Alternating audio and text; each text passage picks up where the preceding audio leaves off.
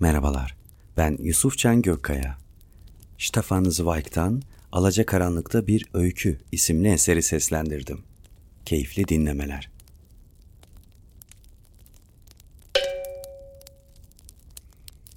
Tüm şehri rüzgarla birlikte yine yağmur mu silip süpürüyor? Odamızı aniden loşlaştıran şey o mu? Hayır. Hava yaz günlerinde olması gerektiği gibi gümüşi berraklıkta ve dingin. Ama hava kararıyordu ve biz farkında değildik. Sadece karşı taraftaki Arnavut bacaları hafif ışıkta hala gülümsüyor ve gökyüzü çatının çıkıntısının üzerini altın bir sisle örtüyor. Bu harika bir saat. Çünkü gün batımının yavaş yavaş solan renklerinin gölgeye dönüşmesinden, sonrasında altındaki karanlığın her yeri sarmasından daha güzel bir manzara yoktur. Ta ki karanlığın siyah dalgaları duvarları sarıp bizi karanlığın içine sürükleyene dek. Tek kelime etmeden birbirimize bakarak karşılıklı oturduğumuzda o saatte sanki daha önce hiç birbirimizi böyle görmemişiz, her birimizin sanki aramızda birçok yıl varmış gibi uçsuz bucaksız uzaklıklar, tanıdık yüzlerimiz gölgelerin içinde daha yaşlı, daha tuhaf ve daha uzak görünüyordu. Ama şu an sessizlik istemediğini söylüyorsun. Çünkü insan sessizlikte saatin yüzlerce küçük parçaya ayrıldığını ve nefes alışverişlerimizin hasta bir adamın nefes alışverişine benzediğini kaygılı bir şekilde duyar. Bana bir öykü anlatmak istiyorsun. İsteyerek hem de. Ama benim hakkımda değil. Çünkü büyük şehirlerdeki yaşamlarımız deneyim elde etmek için çok kısa ya da bize öyle görünüyor. Zira gerçekten neyin bize ait olduğunu henüz bilmiyoruz. Ancak ben tam da bu saate uygun bir öykü anlatacağım. Çünkü o gerçekten sessizliği seviyor ve şu an pencerelerimizden içeri süzülen sıcacık, yumuşacık ve akışkan alacakaranlığa dair bir şeyler olsun istiyorum öyküde. Bu öyküyü nereden bildiğimi hatırlamıyorum. Tek bildiğim öğleden sonra erken saatlerde burada uzun süre oturduğum, bir kitap okuduğum, sonra kitabı bir kenara bırakıp hayallere daldığım ve belki de hafiften uyukladığımdı. Ve birden şekillerin duvardan geçtiğini gördüm. Onların ne dediklerini duyabildim, ne yaşamlarına bakabildim. Ama onların çekip gitmesini izlemek istediğimde yeniden uyandığımı ve kendime geldiğimi fark ettim. Kitap ayaklarımın dibinde duruyordu. İçindeki karakterlere bakmak için aldığımda öyküyü bir daha bulamadım. Sanki ellerimin arasında sayfalardan yere dökülmüş ya da sanki öykü hiçbir zaman kitapta yer almamış gibiydi. Belki de onu hayal etmiştim ya da uzun zamandır bizi bunaltan yağmurları uzak diyarlardan şehrimize getiren o parlak bulutlardan birinde görmüştüm. Penceremin altında melankolik bir şekilde gıcırdayan sesiyle bir orkçunun içten bir şekilde çaldığı eski bir şarkı da mı duydum yoksa? Biri bana bu öyküyü yıllar önce mi anlatmıştı? Bilmiyorum. Bu tür öyküler sık sık aklıma gelir. Onların parmaklarımın arasından güle oynaya akmasına izin veririm. Tıpkı koparmadan yanlarından geçtiğim başakların ve uzun saplı çiçeklerin yere düşmelerine izin vermem gibi. Tek yaptığım onları düşlemektir. Ani, parlak renkli bir imgeyle başlarlar ve yumuşacık bir sona doğru ilerlerler ama onları tutup saklamam. Yine de bugün bana bir öykü anlatmak istiyorsun. Alacakaranlık içimizi parlak, canlı şeyler görme özlemiyle doldururken gözlerimiz bu gri ışıkta bir şeyler görmek için can atarken. Nasıl başlasam? Karanlığın içinde bir an, bir imge, bir karakter çıkarıp almam gerektiğini hissediyorum. Çünkü bana ait o tuhaf düşler böyle başlıyor. Evet, şimdi hatırlıyorum. Zayıf bir genç adamın bir şatonun geniş merdivenlerinden indiğini görüyorum. Gece vakti loş bir ay ışığı var ama adamın kıvrak bedeninin hatlarını görüyorum. Yüz hatları net bir şekilde fark ediliyor. Son derece yakışıklı. Siyah saçları çocukça bir şekilde taranmış, geniş, çok geniş alnına dökülüyor.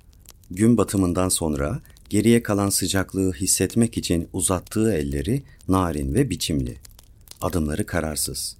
Dalgın bir halde ağaçların hışırdadığı bahçeye iniyor. bahçenin içinden geniş, beyaz bir yol geçiyor. Tüm bunların ne zaman olduğunu bilmiyorum. Belki dün, belki de 50 yıl önce ama neresi olduğunu da bilmiyorum. İngiltere ya da İskoçya olmalı. Çünkü böyle uzun, devasa taş şatoların sadece oralarda olduğundan eminim. Uzaktan kaleler gibi tehditkar görünüyor ve çiçek dolu renkli bahçelerini sadece onlara aşina bir göze ifşa ediyorlar. Evet, artık eminim. Kuzeyde, İskoçya'da. Sadece orada yaz geceleri öyle aydınlıktır ki gökyüzünün sütümsü, donuk bir rengi vardır ve araziler asla tamamen karanlığa bürünmez. Böylece her şey yumuşak bir ışıkla kaplı gibi görünür ve gölgeler kocaman siyah kuşlar gibi kırların soluk düzlüklerine düşer. Evet burası İskoçya'da. Kesin biliyorum ve kendimi biraz zorlasam bu şatonun ve genç adamın isimlerini de bulabilirim. Çünkü düşümün etrafını saran karanlık yavaş yavaş kayboluyor.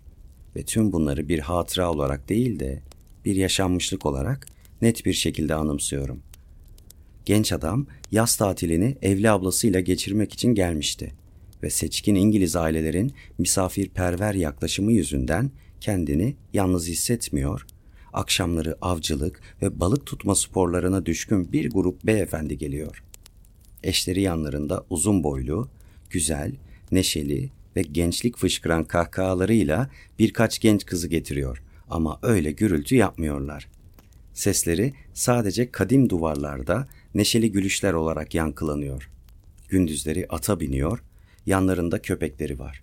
İki ya da üç tane tekne nehirde parlıyor ve sürekli bir şeylerle meşgul olmak günün çabucak ve güzel bir şekilde geçmesini sağlıyor. Ama şu an akşam vakti. Yemek masasındaki insanlar dağıldı. Erkekler büyük salonda sigara içip iskambil oynayarak oturuyor. Gece yarısına kadar kenarlarda titreşen beyaz ışık bazen ağız dolusu bir şakaya atılan kahkahaların eşliğinde pencerelerden taşıp parka akıyor. Kadınların çoğu odalarına çekilmesine rağmen şatonun giriş salonunda hala oturan ve birbirleriyle konuşan birkaç kadın var. Bu yüzden genç adam bu akşam tek başına. Henüz diğer erkeklerin arasına karışamıyor ve kadınların yanında da kendini utangaç hissediyor. Çünkü ne zaman bir kapıyı açsa kadınlar hemen seslerini alçaltıyor ve kadınların onun duymaması gereken bir konuyu konuştuklarını hemen anlıyor. Zaten onların arkadaşlığını sevmiyor. Çünkü sanki hala bir çocukmuş gibi ona sorular soruyorlar ve cevaplarını yarım yamalak dinliyorlar. Ondan ufak tefek ricalarda bulunuyor ve sonra küçük uslu bir çocuğa yaptıkları gibi bir ses tonuyla ona teşekkür ediyorlar. Uyumayı düşündü ama odası çok sıcak ve boğucuydu. Gündüz pencereleri kapatmayı unutmuşlardı. Bu yüzden güneş buraya çöreklenmiş, masaya yerleşmiş, yatağı el değmeyecek kadar yakıp kavurmuş, duvarlara tüm gücüyle yapışmıştı. Ve güneşin sıcak nefesi hala köşelerden ve perdelerin arkasından dışarı vuruyor. Ayrıca saat daha erkendi ve dışarıda yaz gecesi beyaz bir şamdan gibi huzurla parlıyordu. Hiç rüzgar yoktu. Sanki hiçbir şey yapmak istemiyor gibi durgundu hava.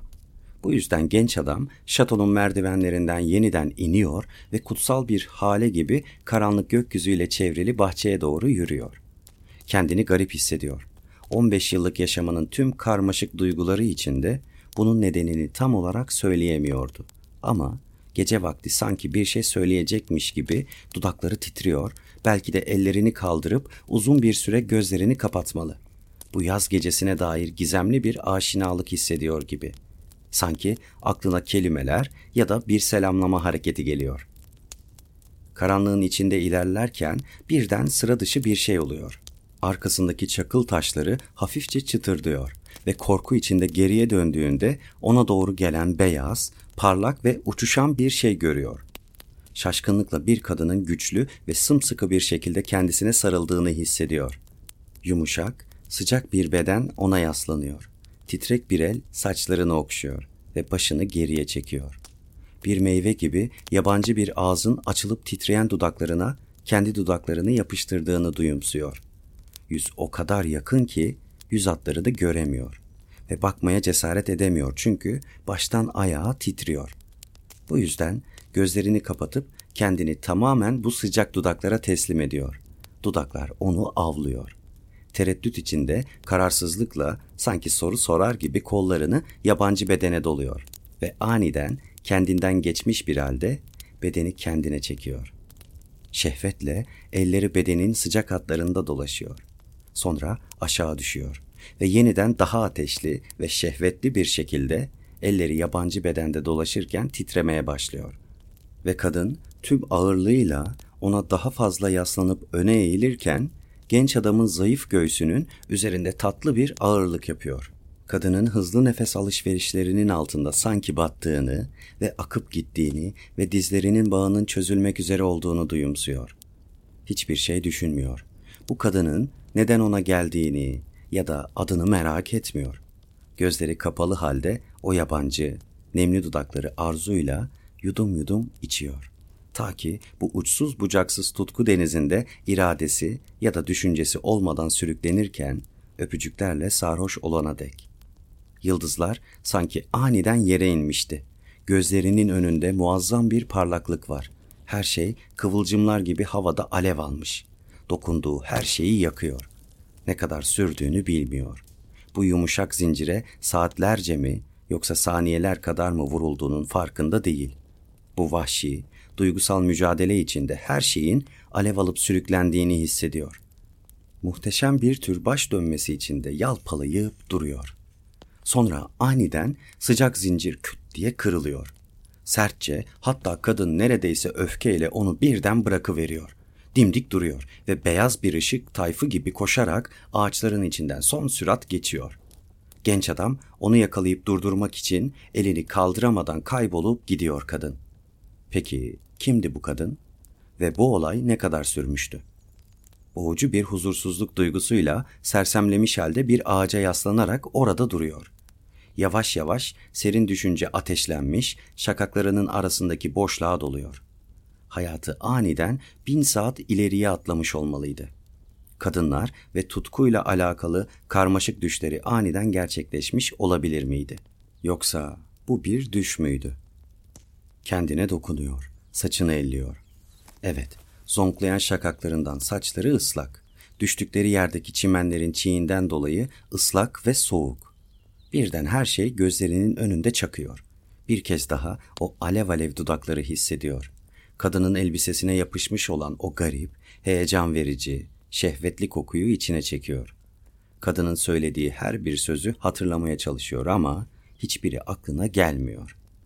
Ve şimdi ani bir şokla kadının hiçbir şey söylemediğini, adını bile anmadığını hatırlıyor. Dudaklarından dökülen iş çekişlerini ve patlamaya hazır, arzu dolu bastırdığı hıçkırıklarını duymuştu. Kadının karma karışık saçlarının kokusunu, göğüslerinin sıcak baskısını, cildinin pürüzsüzlüğünü biliyordu. Kadının hatlarını, nefesini, baştan sona titreyen bedenini biliyordu ve yine de karanlıkta aşkıyla onu yerle bir eden bu kadının kim olduğuna dair hiçbir fikri yok. Bu mutlu şaşkınlığa bir isim vermek için çabalaması gerektiğini biliyor. Ve sonra bir kadınla yaşadığım bu sıra dışı deneyim ona zavallı bir şey olarak görünüyor. Baştan çıkarıcı gözlerle karanlığın içinden ona bakan parlak gizemle karşılaştırıldığında çok önemsiz geliyor. Kimdi bu kadın?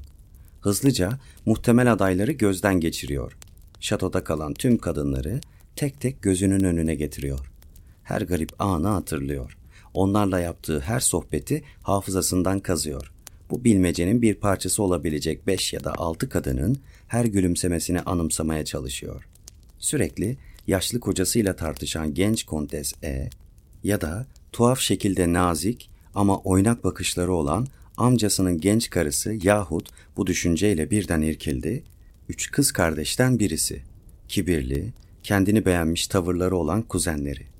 Hayır, bunların hepsi soğukkanlı, dikkatli insanlardı.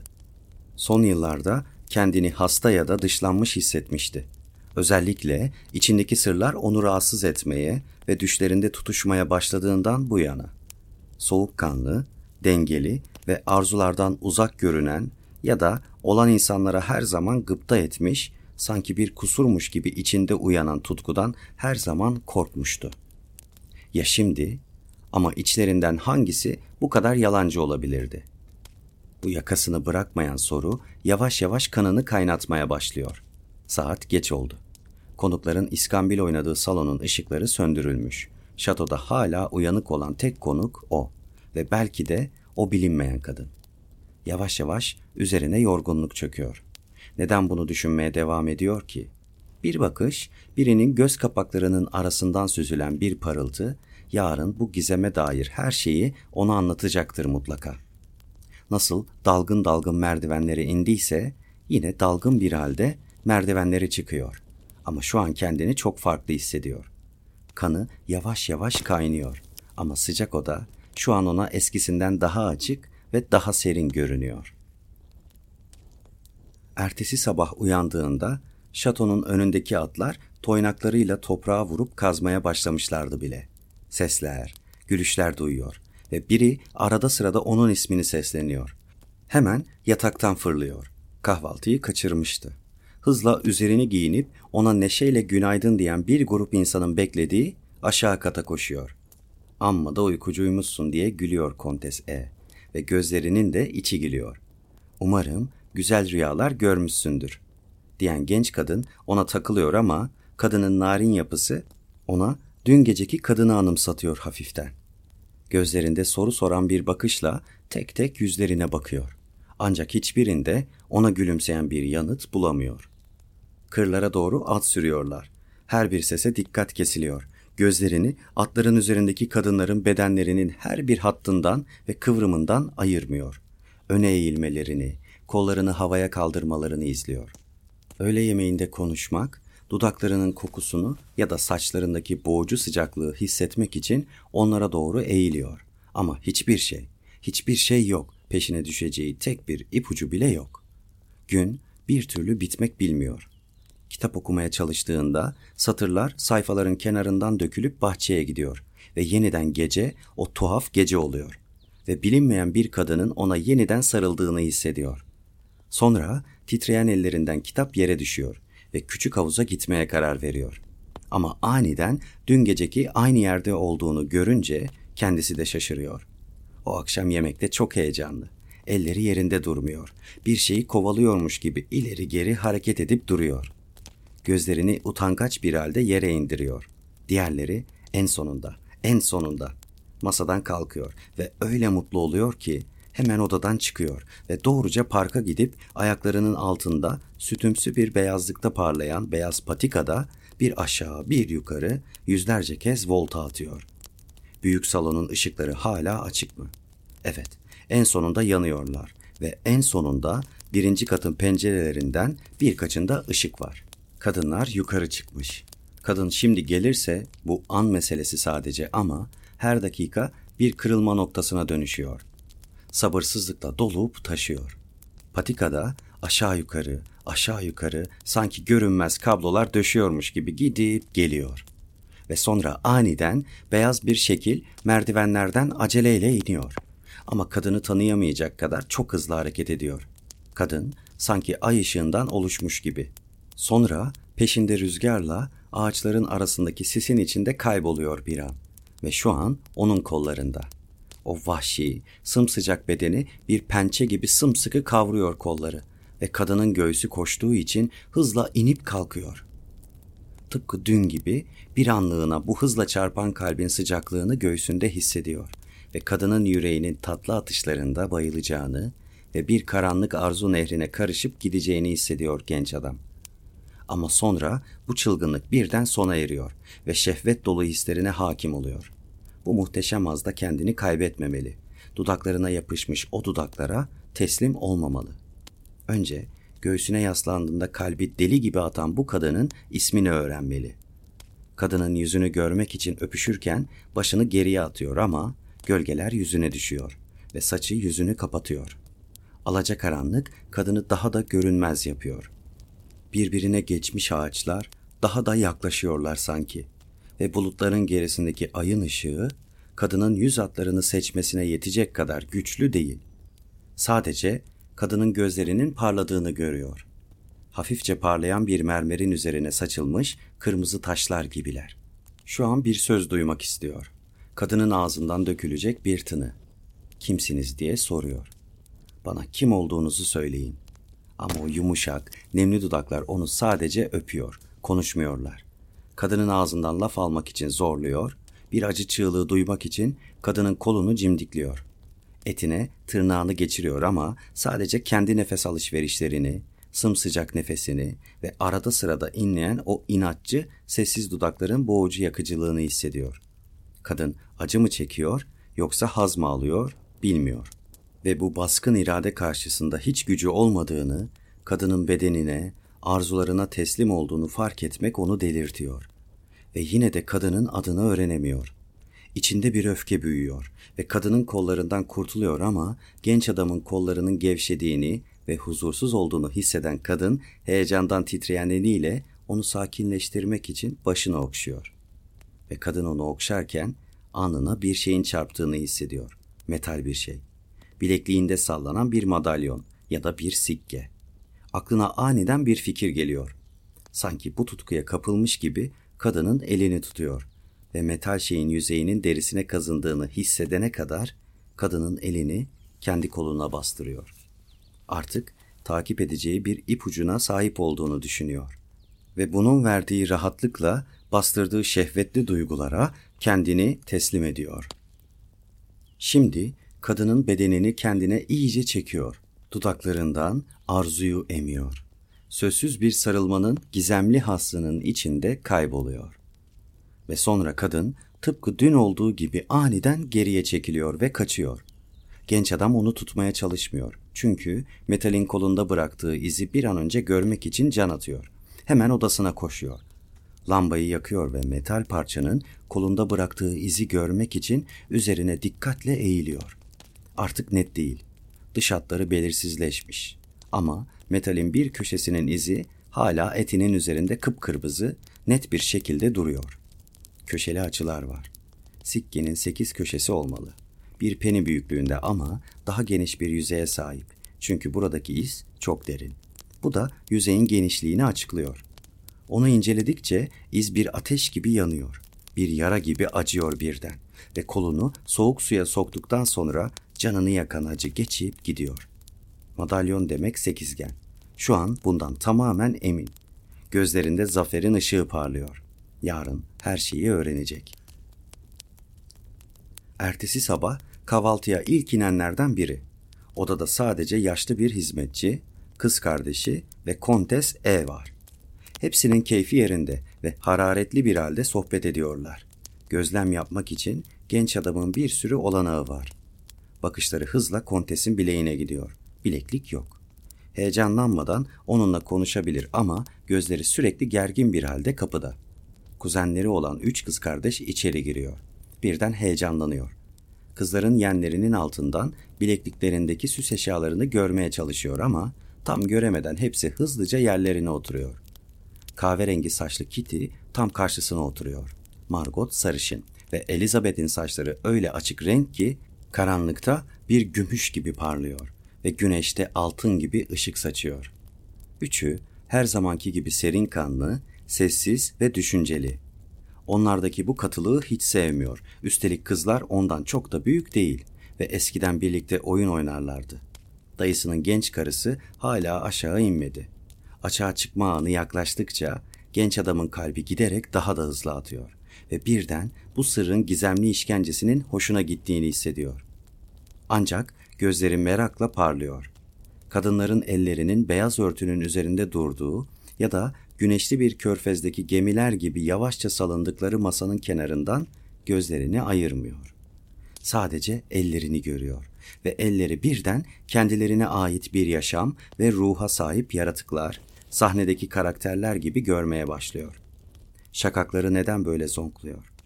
Üç kuzeninin de bileklik taktığını görünce heyecanlanıyor ve kadının bu üç kızdan hiç tanımadığı ama her zaman ulaşılmaz, soğuk ve dışarıdan kusursuz görünen bu kibirli kızlardan birinin olabileceği düşüncesi onu allak bullak ediyor.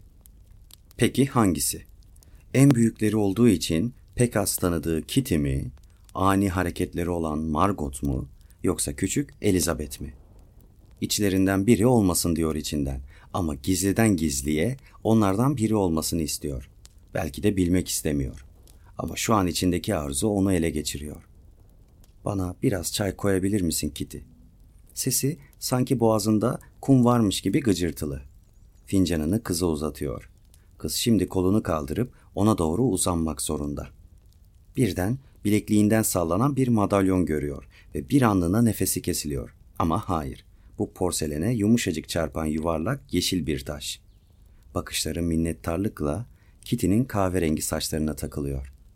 Yeniden nefes alması bir dakika sürüyor. Bir parça şeker uzatabilir misin Margot? Narin bir el masaya uzanıyor. Gümüş bir kabı alıyor ve uzatıyor. Ve o anda elleri hafifçe titriyor. Bilekliğin yenin içinde kaybolduğu yerde eski bir gümüş sikkenin sallandığını görüyor. Sikke sekiz köşeli, bir peni büyüklüğünde ve bir tür aile yadigarı belli ki. Ama dün etine gömülen keskin köşeleri olan bir sekizgen. Ellerine hakim olamıyor. İlk seferde şekeri masaya döküyor. Sonra şekeri çayına atıyor ama onu da içmeyi unutuyor. Margot. İsim dudaklarında bir şaşkınlık çığlığı halinde tutuşup alev alıyor ama dişlerini sıkıyor ve dudaklarını ısırıyor. Kızın konuşmasını duyuyor ve sesi sanki uzaklardan biri konuşuyormuş gibi yabancı geliyor. Sakin, düşünceli, hafif nüktedan ve öyle sakin bir şekilde nefes alıp veriyor ki genç adam kızın yaşadığı bu korkunç yaşam düşüncesiyle iliklerine kadar titriyor. Dün hızlı nefes alışverişlerini hissettiği, nemli dudaklarından öpücükler içtiği, üzerine bir gece avcısı gibi çöken aynı kadın mı?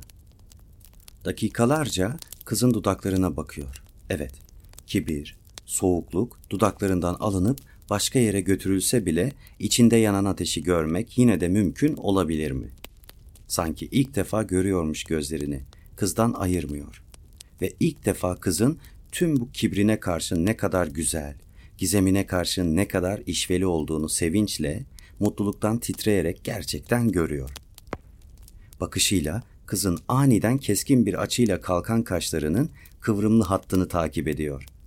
Gri, yeşil değerli bir taşa benzeyen gözlerinin içine bakıyor. Gözleriyle kızın soluk, hafif şeffaf görünümlü yanaklarını öpüyor. Şu an gergin, bir öpücük için hafifçe kıvrılmış dudaklarını hayal ediyor. Açık renk saçlarına bakıyor ve bakışlarını hızlıca kızın tüm bedeninde büyük bir hazla gezdiriyor. Şu ana kadar kızı hiç tanımıyordu. Sonra ayağa kalkıyor ve bacaklarının titrediğini fark ediyor. Sanki sert bir şarap içmiş gibi kıza bakarken sarhoş olduğunu hissediyor. O sırada ablası aşağıdan sesleniyor. Atlar sabah gezisi için hazır. Atlar heyecanla yeri eşeliyor. Sabırsızlıkla gemlerini ısırıyor. Konuklar atlara biniyor ve bahçenin içinden geçip geniş yoldan aşağı süvari alayı gibi geçiyor. Önce yavaş bir yürüyüş tutturuyorlar. Kapıyı geçince atlarını mahmuzluyor, yoldan aşağı hızla inip hala sabah sisinin oyalandığı çimenliğin sağına ve soluna dört nala sürüyorlar. Dün gece yoğun bir sis olmuş olmalı. Çünkü sis perdesinin altında çiğ taneleri yıldızlar gibi parlıyor ve hava sanki bir yerden şelale dökülüyormuş gibi tatlı bir serinlikte.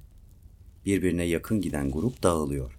Herkes bir tarafa yöneliyor ve birkaç sürücü tepelerin arasındaki ormanda görünmez oluyor. Margot en öndeki sürücülerden. Heyecanı, rüzgarın saçları uçurmasını, dört nala son sürat gitmenin ona verdiği hazzı seviyor. Genç adam hemen kızın peşinde. Kızın dimdik duran gururlu bedenini görüyor. Hızlı hareketlerinde güzel bir taraf buluyor. Bazen kızın yüzünün hafifçe kızardığını, gözlerinin parladığını görüyor ve kızdan şu an tutkusunun verdiği bir güçle inanılmaz bir canlılık fışkırıyor. Genç adam çaresizce aşkını ve içini yakan özlem ateşini duyumsuyor. Kızı birden kucaklamak, altından çekip kollarını almak, ateşli dudaklarını yeniden içmek, göğsüne yaslandığından gümbür gümbür atan yüreğini yeniden hissetmek için içinde dayanılmaz bir istek var. Atının böğrünü mahmuzluyor ve hayvan inleyerek ileri atılıyor. Şu an Margot'la yan yana. Dizin neredeyse onun dizine değiyor. Mahmuzları birbirine çarpıyor.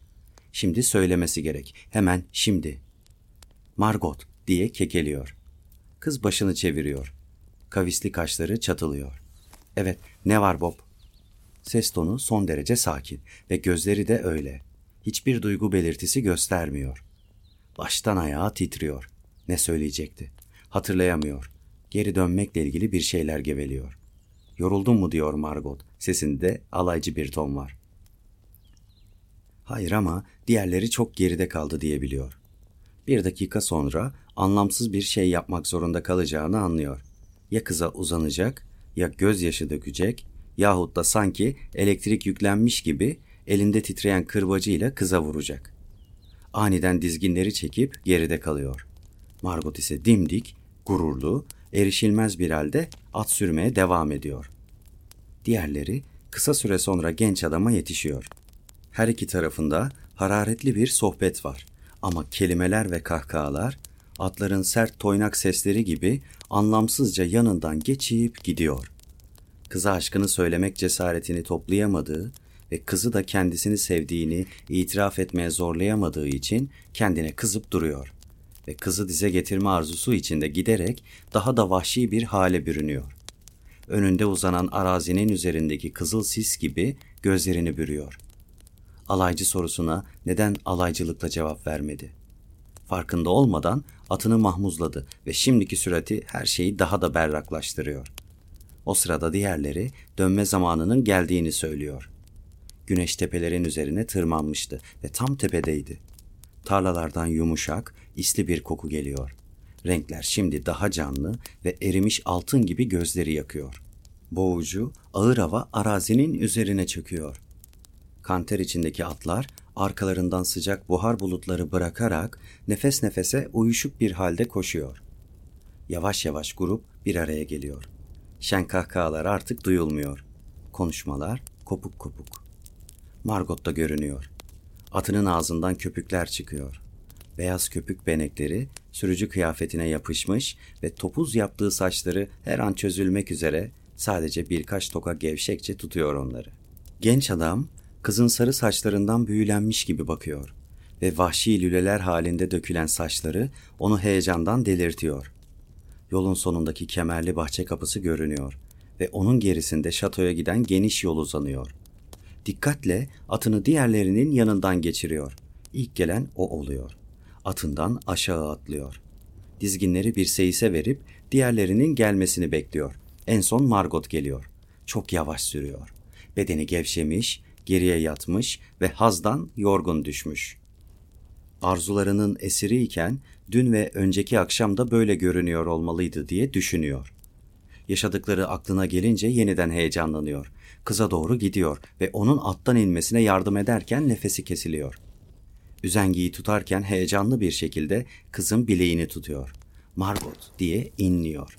Kızın adını yumuşacık fısıldıyor. Genç adama cevap vermek için ona bakmıyor bile. Attan inerken genç adamın uzattığı elini öylesine tutuyor. Margot, muhteşemsin diye kekeliyor yeniden. Kız ona sert bir bakış atıyor. Kaşları yeniden çatılıyor. Sarhoşsun galiba Bob. Neden bahsediyorsun Allah aşkına? Kızın numaradan kızdığını sanıyor. Tutkudan körleşmiş gözleriyle. Sımsıkı tuttuğu kızın elini sanki göğsüne sokmak ister gibi kendine çekiyor. Bunun üzerine öfkeden kıpkırmızı kesilen Margot onu öyle sert bir şekilde itiyor ki Bob savruluyor ve Margot hızla yanından geçip gidiyor. Tüm bunlar öyle ani ve öyle hızlı olmuştu ki hiç kimse fark etmemişti bile. Ve şu an bu olanlar ona korkutucu bir düş gibi görünüyor. Günün geri kalanında yüzü öyle soluk ve dalgın ki kontes yanından geçerken saçını okşuyor ve ona iyi olup olmadığını soruyor. Öyle öfkeli ki köpek havlayarak üzerine atıldığında onu bir tekme atarak kovalıyor. Oyun oynarken öyle beceriksiz ki kızlar ona gülüyor. Bu akşam kızın gelmeyeceği düşüncesi kanını zehirliyor. Onu öfkelendirip yüzünün asılmasına neden oluyor. Çay saatinde hepsi birlikte dışarıda oturuyor. Margot tam karşısında ama kız ona hiç bakmıyor. Mıknatıs gibi kız. Bob'un bakışlarını kendisine çekiyor. Ancak kızın gözleri buz gibi. Hiçbir duygu yok. Margot'un kendisiyle bu şekilde oynadığını düşünmek canını acıtıyor. Kayıtsızlıkla başını çevirdiğinde ise Bob yumruklarını sıkıyor ve kızı bir vuruşta yere yapıştırabileceğini hissediyor. Sorun nedir Bob? Çok solgun görünüyorsun diyor bir ses aniden. Bu Elizabeth, Margot'un kız kardeşi. Gözlerinde yumuşak, sıcak bir ışık var. Ama Bob bunu fark etmiyor. Kötü bir halde yakalanmış gibi öfkeli bir sesle beni rahat bırak olur mu? Sana da, senin endişene de lanet olsun. Sonra söylediğine pişman oluyor. Çünkü Elizabeth'in yüzü bembeyaz kesiliyor. Arkasını dönüyor ve sesinde bir hıçkırıkla bugün ne kadar da tuhaf davranıyorsun diyor. Herkes ona onaylanmayan, neredeyse tehdit eden gözlerle bakıyor ve Bob yanlış yaptığını anlıyor. Ama özür dilemeden önce bir bıçağın sırt gibi sert, keskin bir ses, Margot'un sesi duyuluyor. Bana sorarsanız Bob yaşına göre çok kötü davranıyor. Ona bir beyefendi ya da bir yetişkin gibi davranarak hata yapıyoruz. Bunu Margot söylüyor. Dün ona dudaklarını sunan Margot. Her şeyin etrafından döndüğünü hissediyor. Gözlerinin önüne bir sis çöküyor. İçi birden öfkeyle doluyor. Tabii siz her şeyin en iyisini bilirsiniz diyor canı sıkkın bir sesle ve masadan kalkıyor. Öyle ani davranıyor ki sandalyesi yere düşüyor ama o arkasını bile dönmüyor. Ve yine de ne kadar ümitsiz olsa da Margot'un gelmesi için Tanrı'ya dua ederek yeniden bahçeye iniyor. Belki de tüm bunlar oyun ve kapristi. Yo, Margot o yumuşak, nemli dudaklarını ağzına bastırmak için bir kez daha gelirse asla soru sormayacak ya da onu kızdırmayacaktı. Tek kelime etmeyecekti. Saatler çok yavaş akıyordu sanki. Gece duygusuz, sakat bir hayvan gibi şatonun önünde yatıyor, zaman akıl almaz bir halde uzadıkça uzuyor. Etrafındaki hafif uğultulu çimenlik sanki alay eden seslerle dolu. Dallar ve yapraklar yavaşça hareket edip gölgeleriyle oynuyor ve akşam ışığının hafif kızıllığı tıpkı nanik yapan bir el gibi. Tüm sesler iç içe ve yabancı. Sessizlikten daha çok rahatsız ediyorlar onu. Köy tarafında bir köpek havlamaya başlıyor ve sonra bir yıldız kayıyor ve şatonun gerisinde bir yere düşüyor. Gece daha da parlak görünüyor. Bahçe yolunun üzerindeki ağaç gölgeleri giderek daha da koyulaşıyor ve o yumuşacık sesler iç içe geçip uğultuya dönüşüyor. Geçip giden bulutlar gökyüzünü kasvetli, melankolik bir karanlığa bürüyor. Bu yalnızlık yanan yüreğinin üzerine çöküyor.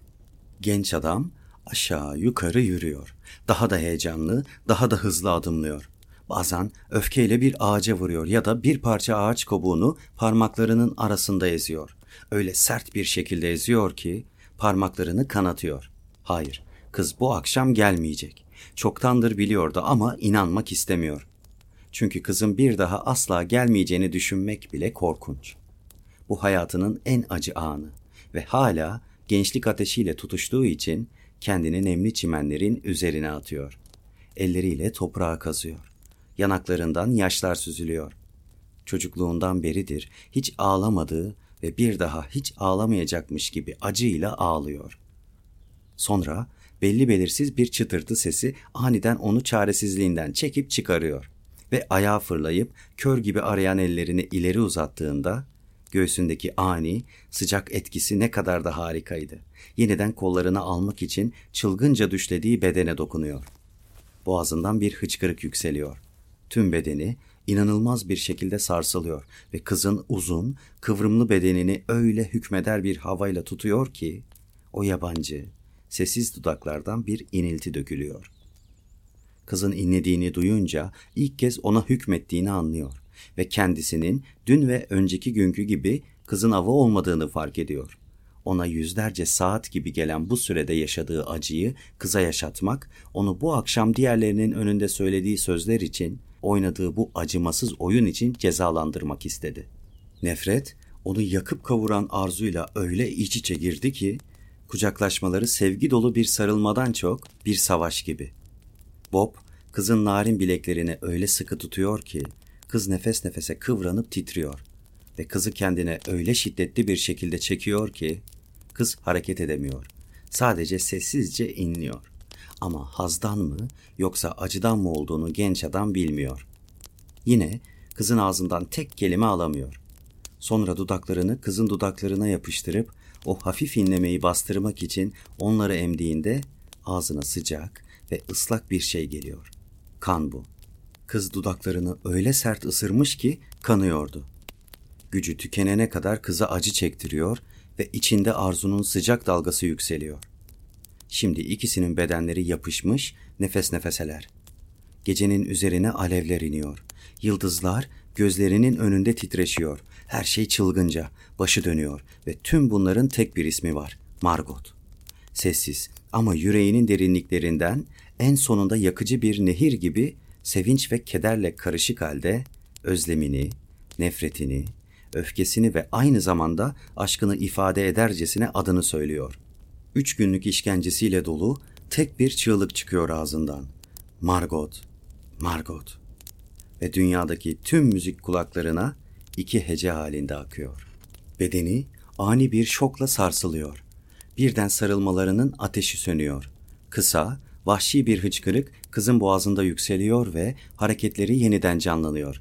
Ama sanki kendini nefret ettiği bir dokunuştan kurtarmak ister gibi onun kollarından sıyrılıyor. Şaşkınlıkla kızı tutmaya çalışıyor ama kız onunla mücadele ediyor. Yüzünü yüzüne yaklaştırdığında kızın yanaklarından inen öfkeli yaşları hissediyor ve narin bedeni bir yılan gibi kıvrılıyor. Aniden kız kendini ondan kurtarıyor ve kaçıp gidiyor. Beyaz elbisesi ağaçların arasından görünüyor ve sonra karanlıkta yok oluyor. Orada sarsılmış ve ilk seferdeki gibi sıcaklık ve tutku kollarına ilk düştüğünde olduğu gibi kafası karışmış halde tek başına duruyor. Yıldızlar gözlerinin önünde ıslak ıslak parlıyor ve kanı şakaklarına hücum ediyor. Ne olmuştu? Kendini çok yalnız hissettiği için ağaçların arasında yürüyor ve küçük bir fiskiyenin oynaştığını bildiği bahçenin uzak köşesine yöneliyor. Suyun elini serinletmesine izin veriyor. Ona yavaşça mırıldanan ve bulutların arasından yeniden göründüğünde ayın yansımasıyla çok güzel görünen beyaz, gümüşi su onu sakinleştiriyor. Ve şimdi her şeyi daha net görüyor. Ilık rüzgar sanki ağaçların arasından ona üflemiş gibi üzerine ağır bir keder çöküyor. Gözleri yaşla doluyor ve Margot'u ne kadar çok sevdiğini şimdi daha güçlü ve daha açık bir şekilde hissediyor. Önündeki her şey ondan uzaklaşıyor. Sahip olmanın çılgınlığı, kızın sırrını saklamasına duyduğu öfke, aşk eksiksizliğiyle, tatlı melankolisiyle onu sarıyor. Neredeyse özlem olmayan bir aşk ama aynı zamanda despot. Kıza neden öyle eziyet etti? Üç gecedir ona inanılmaz bir cömertlik göstermemiş miydi? Kız ona aşkın şefkatini ve vahşi tutkusunu öğrettiğinden bu yana hayatı kasvetli bir alacakaranlıktan parlak, tehlikeli şekilde parlak bir ışığa dönmemiş miydi? Ve kız onu öfke dolu gözyaşları içinde bırakıp gitmişti. Yumuşak, dayanılmaz bir barışma isteğiyle doluyor içi. Sıcak, sakin bir söz, bir istek kızı yeniden kollarına almasını sağlayabilir. Hiçbir şey sormaksızın hem de ve kızın onun için ne kadar değerli olduğunu söylemesi gerek. Evet, bütün açık yürekliliğiyle kıza gidecek ve onu ne kadar saf bir tutkuyla sevdiğini söyleyecek. Bir daha asla adını anmayacak ya da ondan istemediği bir cevap almak için onu zorlamayacak. Gümüşi su yavaşça akıyor ve Bob gözyaşları içinde düşünüyor. Belki de Margot şu an odasına yalnız, onu dinlemek için sadece bu fısıldayan geceyi, herkesi dinleyen ve hiç kimseyi teselli etmeyen bir geceyi düşünüyor. Saçının tek bir telini bile görmediği, rüzgarda yarı kaybolmuş sesinden tek bir kelime duymadığı ve yine de ruhunun onun ruhu içinde ayrılmaz bir şekilde karıştığı bu gece ona hem uzak hem de yakın hissediyor kendini. Bu gece onun için dayanılmaz bir işkence. Ve kızın yakınında olma, hatta bir köpek gibi kapısında yatma ya da bir dilenci gibi penceresinin altında durma özlemi karşı konulmaz halde büyüyor içinde. Kararsızlıkla ağaçların karanlığında saklanırken birinci kattaki odasının penceresinin hala aydınlık olduğunu görüyor. Hafif bir ışık var büyük çınarın yapraklarını aydınlatmayacak kadar sarı bir ışık vuruyor dışarı. Çınarın dalları sanki birer el gibi uzanıyor. Küçük, ışıklı pervazın dışında hafif bir meltemle siyah, devasa bir kulak misafiri gibi daha sonra dallarını geri çekiyor. Margot'un hala o ışıklı camın gerisinde uyanık olduğu, belki gözyaşı döktüğü ya da genç adamı düşündüğü düşüncesi Bob'u öyle üzüyor ki düşmemek için ağaca yaslanmak zorunda kalıyor.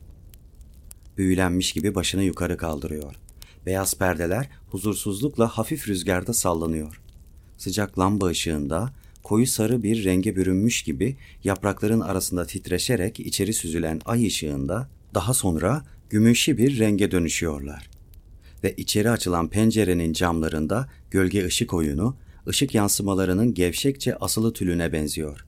Ama şu an ateşli gözlerle gölgelerin içinden bakan aklı başında olmayan genç adamın gözüne bir öykü anlatan siyah, runik harfler boş bir yüzeye yazılmış gibi görünüyor. Akan gölgeler içinde hafif bir duman gibi görünen siyah yüzeyin üzerinden akan gümüşi ışık, bu uçup giden algılar zihrini titrek imgelerle dolduruyor. Uzun boylu ve güzel Margot'u onun saçlarını görüyor. Ah, o vahşi sarı saçları. İçindeki huzursuzlukla kızın penceresinin altında bir aşağı bir yukarı yürüyen genç adam, kızın boğucu tutkusunu, öfkeyle ağlamasını görüyor.'' Camdan, hatta duvarlardan Margot ellerini kaldırdığında ya da koltuğa yığıldığında ve sessizce, ümitsizlikle yıldızlı göğe baktığında onun yaptığı en küçücük hareketi bile görüyor. Pervazlar bir anlığına aydınlandığında kızın gölgeler içindeki bahçeye onu aramak için endişeli bir yüzle baktığını bile düşünüyor. Ve bu çılgın duygu ona kendini daha iyi hissettiriyor. Alçak ama telaşlı bir sesle kızın adını sesleniyor. Margot, Margot. Boş yüzeyin üzerinde bir örtü gibi bembeyaz ve hızla seyirten bir şey değil miydi o? Onu net bir şekilde gördüğünü düşünüyor. Kulak kabartıyor ama hiçbir şey hareket etmiyor. Ilık rüzgarla taşınan uykulu ağaçların yumuşak nefesi ve çimenlerin ipek gibi fısıldısı şu an uzaklarda. Sonra birden ses yükseliyor ve ılık bir dalga yavaşça ölüyor. Gece huzur dolu. Pencere sessiz. Gümüş bir çerçeve karanlık bir resmi çevreliyor. Margot onu duymadı mı? Yoksa artık onu duymak istemiyor mu? Pencerenin çevresindeki titrek ışık kafasını karıştırıyor. Yüreği güm güm atıyor. İçindeki özlemi anlatmak için yanıp tutuşuyor. Ağacın kabuğunda atıyor yüreği ve kabuğun kendisi bile böyle bir tutkuyla sarsılıyor. Tek bildiği onu görmesi, onunla şimdi konuşması gerektiği. Çünkü daha yüksek sesle kızın adını seslenirse insanlar ne olduğunu görmeye gelir ve diğerlerini uyandırırlar. Şu noktada bir şey olması gerektiğini hissediyor. Düşüncelerin en anlamsızı bile şu an ona arzu edilir görünüyor. Tıpkı her şeyin düşlerde kolayca hallolması gibi. Bakışlarını yeniden pencereye çeviriyor. Pencereye eğilen ağacın bir dalının bir işaret direği gibi uzandığını aniden fark ediyor ve ağacın gövdesine sımsıkı tutunuyor. Birden her şey gözünde netleşiyor. Oraya tırmanıp ağacın gövdesi geniş ama yumuşak ve yumuşak ve ipeksi bir dokusu var ve ağaca çıkınca pencerenin dışından kızı çağırabilir. Kıza yakın olunca onunla konuşacak ve Margot onu affedene kadar aşağı inmeyecek. Bir an düşünmek için bile durmuyor. Tek gördüğü şey pencere. Onu baştan çıkarıyor. Hafifçe ışık saçıyor ve ağacın kendi tarafında olduğunu hissediyor. Güçlü ve geniş gövdesi onun ağırlığını taşımaya yeter. Birkaç hızlı hareketle kendini yukarı çekiyor ve elleriyle bir dala tutunuyor. Çabucak bedenini kaldırıyor ve şu an ağacın yukarı kısımlarında yaprakların oluşturduğu gölgelik hemen altında sallanıyor. Yapraklar hışırtılı bir şekilde hafifçe sallanıyor ve dal hiçbir şeyden haberi olmayan kızı uyarmak ister gibi pencereye daha da yaklaşıyor. Tırmanırken odanın beyaz tavanını ve tavanın ortasından sallanan altın sarısı ışıklarıyla bir lambayı görüyor. Ve heyecandan titrerken o anda ağlayan ya da hala hıçkıran yahut da arzuyla tutuşan çıplak bedeniyle Margot'u göreceğini biliyor. Yavaşça pencereye doğru dönmüş dalda ilerliyor. Dizleri biraz kanıyor. Elinde bir kesik var ama tırmanmaya devam ediyor ve şu an pencereden sızan ışığın neredeyse içinde. Yoğun ve iç içe girmiş yapraklar hala görüşünü görmek için can attığı nihai manzarayı engelliyor ve titreyerek ileri uzanırken ışık yüzmesi üzerine vurmaya başlıyor ve sallanıyor. Dengesini kaybediyor ve tepe taklak aşağı düşüyor. Olgun bir meyvenin yere düşmesi gibi çimenlerin üzerine yumuşak, hafif bir çarpmayla düşüyor. Şatonun üst katında birisi pencereden dışarıya uzanıyor. Endişeyle etrafına bakıyor ama karanlıkta hiçbir şey hareket etmiyor. Çünkü karanlık boğulan bir adamı yutan bir balçık gibi durgun. Kısa süre sonra pencereden gelen ışık sönüyor ve bahçe sessiz gölgelerin üzerindeki belirsiz alacakaranlıkta kendi haline kalıyor. Birkaç dakika sonra genç adam kendine geliyor. Birkaç yıldızın buz gibi ona baktığı soluk gökyüzüne doğru bir an bakıyor. Ama o anda sağ ayağında delip geçen korkunç bir acı hissediyor. Hareket etmeye çalıştığı anda onun az kalsın çığlık atmasına neden olacak bir acı. Bunun ne olduğunu biliyor. Margot'un penceresinin altında kalamayacağını, hiç kimseden yardım isteyemeyeceğini, ses çıkarmaması ya da hareket ederken sessiz olması gerektiğini de biliyor. Alnından kan akıyor. Çimenlerin içinde bir taşa ya da odun parçasına çarpmış olmalı. Ama gözlerine girmemesi için kanı eliyle siliyor. Sonra sol tarafına kıvrılıyor. Elleriyle toprağa tutunarak yavaşça kendini çekmeye çalışıyor. Her seferinde bir şey kırık ayağına ya değiyor ya da canını acıtıyor. Acı birden şiddetleniyor ve yeniden bilincini kaybetmekten korkuyor. Ama yavaşça kendini çekmeye devam ediyor. Merdivenlere ulaşması neredeyse yarım saat sürüyor ve kolları yorulmaya başladı çoktan. Alnındaki soğuk terler yarasından sızan yapış yapış kanla karışıyor. En sonuncu ve en kötüsü bekliyor onu. Merdivenlerin en üst basamağına ulaşmak zorunda ve acı içinde yavaşça yukarı çıkmaya çalışıyor. Trabzana uzanarak en üst basamağa ulaştığında nefesi hırıltıya dönüşüyor. Erkeklerin iskambil oynadığı ve sesleri duyup ışığı görebileceği odanın kapısına ulaşmak için kendini biraz daha çekiyor. Kapının koluna tutunarak kendini kaldırıyor ve kapı açılır açılmaz ışıklı odanın içine aniden yığılıyor. Şu an bu şekilde yüzü gözü kan içinde toprağa bulanmış bir halde sendeleyip yere bir çuval gibi yığıldığında korkunç bir görüntüsü olmalı. Çünkü odadaki adamlar korkuyla yerlerinden sıçrıyor. Sandalyeler geriye düşüyor. Ona yardım etmek için hepsi koşuyor. Dikkatle divana yatırıyorlar. Parkta yürümek için merdivenlerden inerken her şeyin birden karardığını, ileri geri sallandığını ve sonra tamamen karanlığın içinde kaybolduğuna dair bir şeyler gevelemeyi başarıyor. Bayılıyor ve başka bir şey bilmiyor. Bir at eğerleniyor ve birisi bir doktor getirmek için en yakın kasabaya at sürüyor. Tüm şato yanıyor.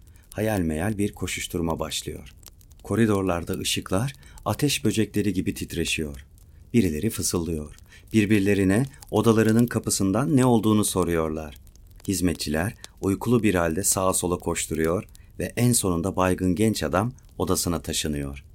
Doktor bacağını kırdığını söylüyor ve tehlikeli olmadığını söyleyerek herkesin içine su serpiyor. Ancak kazazede bacağı alçıda uzun süre hareket etmeden yatacak diyor.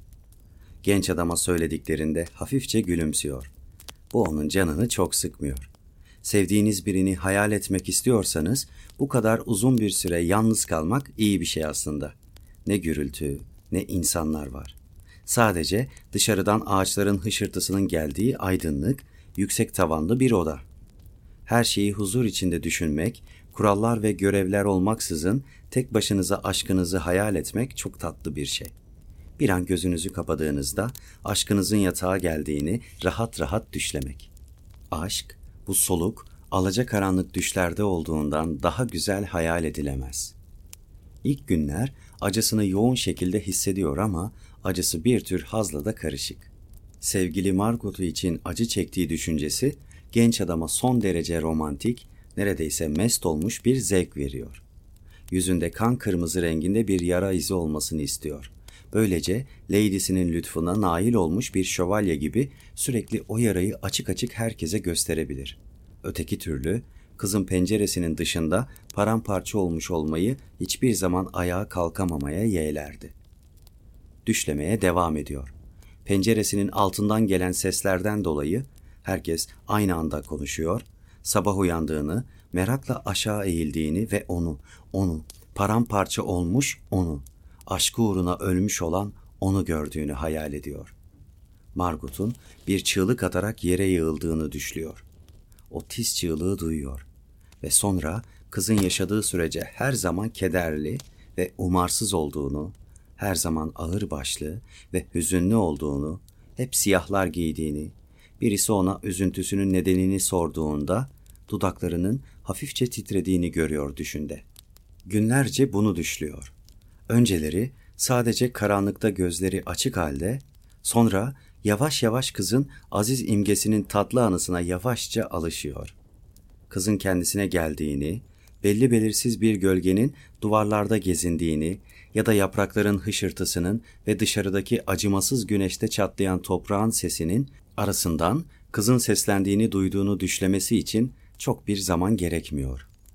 Margot'la bu şekilde saatlerce konuşuyor ya da ona seyahatlerinde, muhteşem yolculuklarında eşlik ettiğini hayal ediyor. Ancak bazen bu düşler onu çılgına çeviriyor. Ölmüş olsaydı Margot gerçekten de onun için yas tutar mıydı? Onu hatırlar mıydı? Margot onu ziyaret etmek için bazen tek başına geliyor. Genç adam sık sık onunla zihninde konuştuğu ve güzel bedenini gözlerinin önünde gördüğünden dolayı kapı açılıp uzun boyu ve güzel endamıyla girdiğinde kız ona düşlerinde olduğundan daha farklı görünüyor. Çünkü nazik değil. Düşlerindeki Margot gibi alnını öpmek için şefkatle üzerine eğilmiyor. Yanındaki koltuğa oturuyor. Nasıl olduğunu ve hala acısının olup olmadığını soruyor. Ve sonra ona birkaç ilginç öykü anlatıyor. Onun huzurunda öyle tatlı bir şekilde ürperiyor ve allak bullak oluyor ki başını kaldırıp kızın yüzüne bakamıyor. Sesini daha iyi duymak için gözlerini kapatıyor. Sözlerini kana kana içiyor.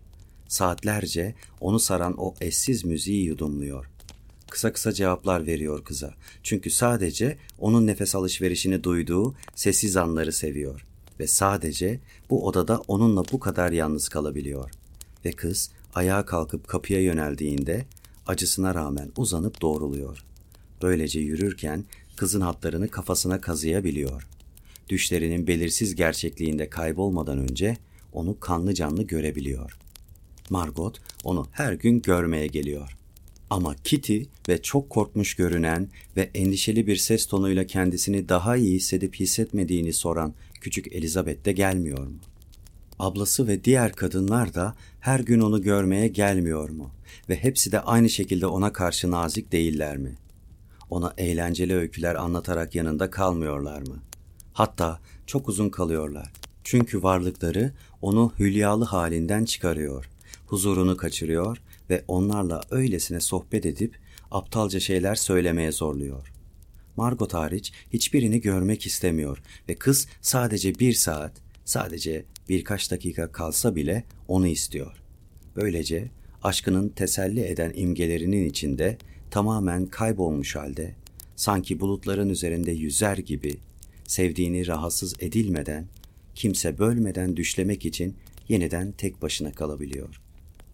Bu yüzden bazen kapının açıldığını duyunca gözlerini kapatıp uyuyor numarası yapıyor. Onu görmeye gelenler parmak uçlarında gelip ona bakıyor. Sonra kapının yavaşça kapandığını duyuyor ve onu baştan çıkarıcı uzak diyarlara götüren düşlerinin sıcak akıntısına dalabileceğini biliyor. Bir gün garip bir şey oluyor. Margot kısa süreliğine onu görmeye geldi ama gelirken saçlarında bahçenin tüm kokularını, Yasemin'in boğucu parfümünü getirdi ve gözlerinde Ağustos güneşinin parlak ışıkları vardı. Bugün onu yeniden göremeyeceğini biliyordu. Uzun, güneşli, tatlı düşler getiren bir öğleden sonra olacaktı. Çünkü hiç kimse onu rahatsız etmeyecekti.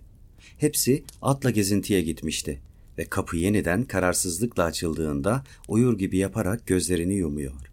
Ancak içeri giren kadın odanın dinginliğinden net bir şekilde duyabiliyor, odadan çıkmıyor. Onu uyandırmamak için sessizce kapıyı kapatıyor.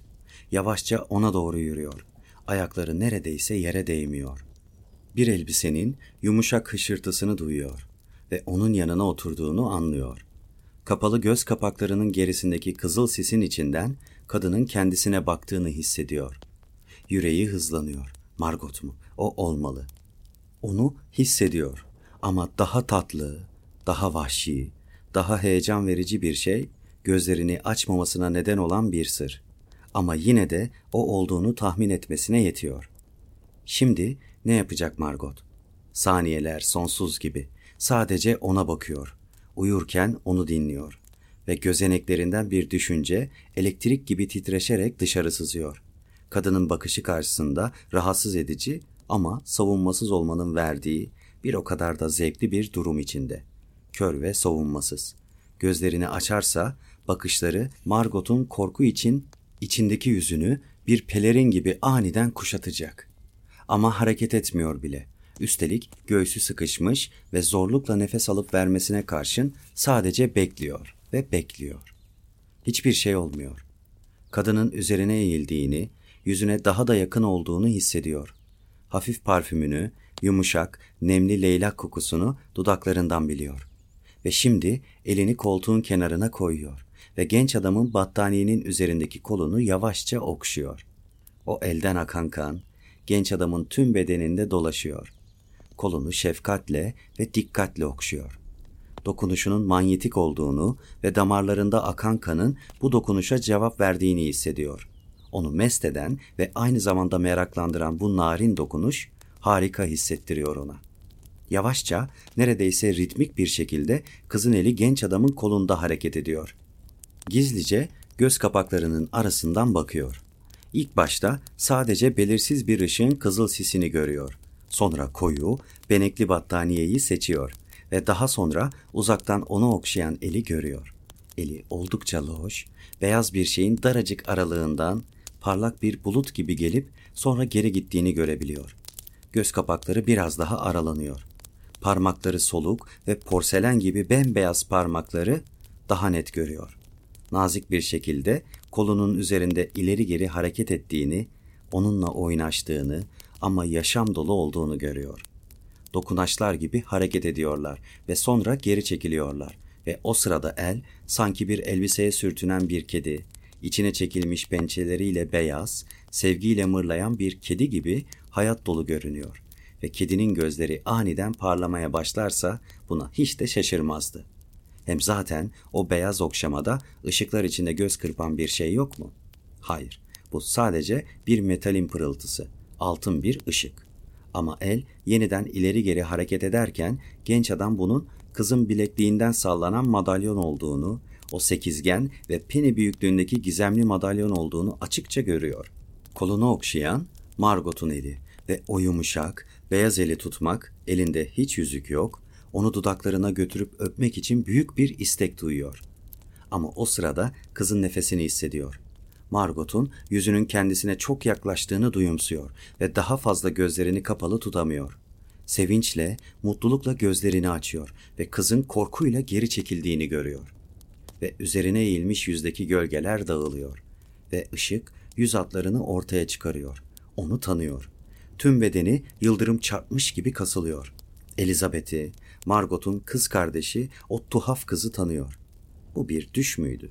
Hayır. Kıpkırmızı kesilen bir yüze bakıyor şu an. Korkuyla gözlerini kaçırıyor ve evet bu Elizabeth. O anda yapmış olduğu korkunç hatayı anlıyor.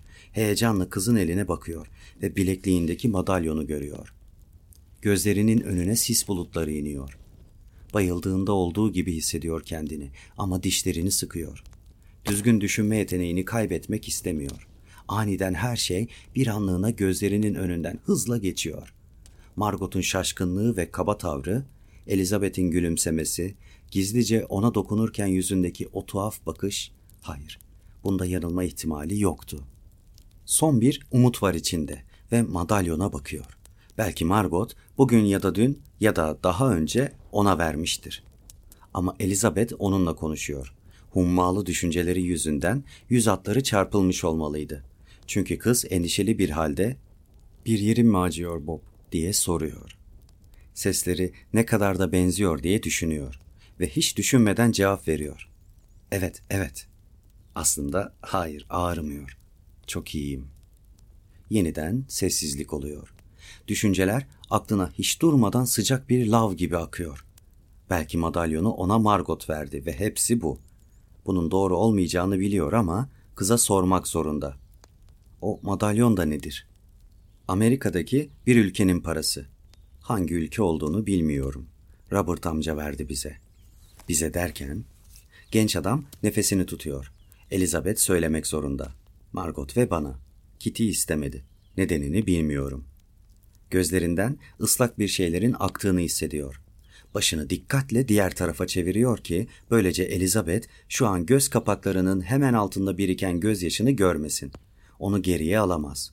Gözyaşı yavaş yavaş yanağından aşağıya yuvarlanıyor. Bir şey söylemek istiyor ama sesinin bastırdığı hıçkırık yüzünden çatallı çıkmasından korkuyor. İkisi de sessiz. Birbirlerine endişeyle bakıyorlar. Elizabeth ayağa kalkıyor. Ben gidiyorum Bob. Geçmiş olsun. Bob gözlerini kapatıyor ve kapanırken kapı sessizce gıcırdıyor. Düşünceleri ürkmüş bir güvercin sürüsü gibi havalanıyor. Şimdi yaptığı hatanın büyüklüğünü anlıyor. Yaptığı hatadan dolayı utanç ve öfke içinde ve aynı zamanda büyük bir acı var yüreğinde. Margot'u sonsuza dek kaybettiğini biliyor ama ulaşılamaz olana duyulan çaresiz bir özlemle hala onu sevdiğini hissediyor. Ve Elizabeth, öfkeliymiş gibi kızın görüntüsünü aklından hemen çıkarıyor. Çünkü tüm adammışlığı ve şu an bastırdığı tutkusunun ateşi Margot'un bir gülüşüne ya da onun elinin bir dokunuşuna ait. Bir başkasına olamaz. Elizabeth ilk başta kim olduğunu ona göstermiş olsaydı onu sevebilirdi. Çünkü ilk zamanlarda tutkusu hala çocuksuydu. Ama şu an Margot'la alakalı binlerce düşü içinde kızın adını yüreğine öyle büyük bir alevle kazmıştı ki onu söndürmek imkansız artık. Sürekli dönüp duran düşünceler yavaş yavaş gözyaşlarını alıp götürürken gözlerinin önündeki her şeyin karardığını duyumsuyor. Hastalığını o uzun, yalnız saatleri ve günler boyunca yapmış olduğu gibi Margot'un yüzünü aklına boş yere getirmeye çalışıyor. Elizabeth'in bir gölgesi gelip önünde duruyor. Özlem dolu gözleriyle Elizabeth var sadece ve sonra kafası karışıyor. Tüm bunların nasıl olduğunu acı içinde düşünmeye zorluyor kendini. Margot'un penceresinin altında durup onun adını seslendiğini düşününce utanca boğuluyor ve sessiz, açık sarı saçlı Elizabeth için yeniden üzülüyor. Çünkü minnettarlığı kızın önünde eğilmesi gerektiği o günlerde ne onunla konuşmuş ne de onun yüzüne bakmıştı. Ertesi sabah Margot bir dakikalığına onu görmeye geliyor. Kızın yakınlığından sarsılıyor ve gözlerine bakamıyor. Margot ona ne diyor? Zor duyuyor. Şakaklarındaki uğultu kızın sesinden daha yüksek. Kız kalkıp kapıya giderken özlemle onun bedenine bakıyor yine. Onu daha önce hiç bu kadar sevmediğini hissediyor. Öğleden sonra Elizabeth geliyor. Ellerinde tanıdık gelen bir yumuşaklık var. Bazen Bob'un eline değiyor ve sesi çok alçak, hafif kederli. İkisi hakkında konuşursa sanki kendisini ele vermekten korkuyormuş gibi endişe içinde başka şeylerden bahsediyor. Elizabeth için ne hissettiğini bilmiyor. Bazen ona acıyor. Bazen onun aşkına minnet duyuyor ama bunları ona söyleyemez. Ona yalan söylemekten korktuğu için yüzüne bile zor bakıyor. Artık her gün geliyor ve daha fazla kalıyor. Paylaştıkları sırrı sezdiklerinden bu yana sanki aralarındaki belirsizlikler de kaybolmuştu. Ancak bahçedeki o akşamlardan hala konuşmaya cesaret edemiyorlar. Bir gün Elizabeth koltukta oturuyor yine. Dışarıda güneş pırıl pırıl. Rüzgarda salınan ağaçların yansıması duvarlarda titreşiyor. O anlarda saçları yanan bulutlar gibi alev alev görünüyor. Cildi soluyor ve şeffaflaşıyor. Tüm benliğiyle parlıyor ve hayali görünüyor. Gölgedeki yastığından kızın gülümsediğini görüyor yakından ama uzakta görünüyor aynı zamanda. Çünkü ışıkla parlayan yüzü ona ulaşılmaz gibi geliyor. Bunu görünce tüm olanları unutuyor ve kız üzerine eğildiğinde gözleri daha derin, daha koyu görünüyor. İleri uzandığında kolunu kıza doluyor. Başını kendine çekiyor ve kızın narin, nemli dudaklarından öpüyor. Elizabeth bir yaprak gibi titriyor ama karşı koymuyor. Sadece eliyle Bob'un saçlarını okşuyor ve sonra sadece nefes nefese, kederli bir sesle ama sen Margot'u seviyorsun diyor. Kızın sesindeki adanmışlık tonu ta yüreğine işliyor. O nazik, direnmeyen çaresizlik ve Margot adı onu ruhunun en derinliklerinde sarsıyor. Ama o anda yalan söyleyemiyor. Hiç cevap vermiyor kıza. Elizabeth onu bir kez daha öpüyor. Neredeyse bir kardeş gibi ve sonra tek kelime etmeden odadan çıkıyor. Bu konuda konuştukları tek an bu. Birkaç gün geçiyor ve genç adam nekahet dönemi için bahçeye indiriliyor. Patikaya ilk solan yapraklar dökülmüş ve akşam erken saatlerde havada melankolik bir güz havası var. Birkaç gün daha geçiyor ve o yıl ilk defa zorlukla da olsa yaprakların rengarenk şemsiyesi altında tek başına yürüyor. Ağaçlar o üç sıcak yaz gecesinde olduğundan daha yüksek sesle ve daha öfkeli bir şekilde konuşuyor. Melankolik bir ruh hali içinde ilk defa birlikte oldukları yere gidiyor. Şimdiden alacakaranlıkta bulanıklaşmış çocukluğuyla burası arasında görünmez kara bir duvar varmış gibi hissediyor ve önünde başka bir yol var. Yabancı ve tehlikeli. O akşam herkesle vedalaştı. Margot'un yüzüne hayatının sonuna yetecek kadar son kez içermiş gibi bir kez daha baktı. Hevesli bir şekilde elini sıkan Elizabeth'in eline dokundu. Kitty'ye, arkadaşlarına ve ablasına şöyle bir baktı. Kalbi kız kardeşlerden birini sevdiğini ve içlerinden birinin de kendisini sevdiği gerçeğiyle doldu. Yüzü çok solgundu. Yüzündeki acı ifade onu daha da büyük gösteriyordu. İlk defa bir erkeğe benziyordu. Ve atlar getirilip de Margot'un kayıtsız bir şekilde arkasını döndüğünü ve Elizabeth'in gözlerinin yaşla aniden parlayıp Trabzan'a tutunduğunu görünce yaşadığı bu yeni deneyim onu öyle alt üst etti ki birden bir çocuk gibi ağlamaya başladı.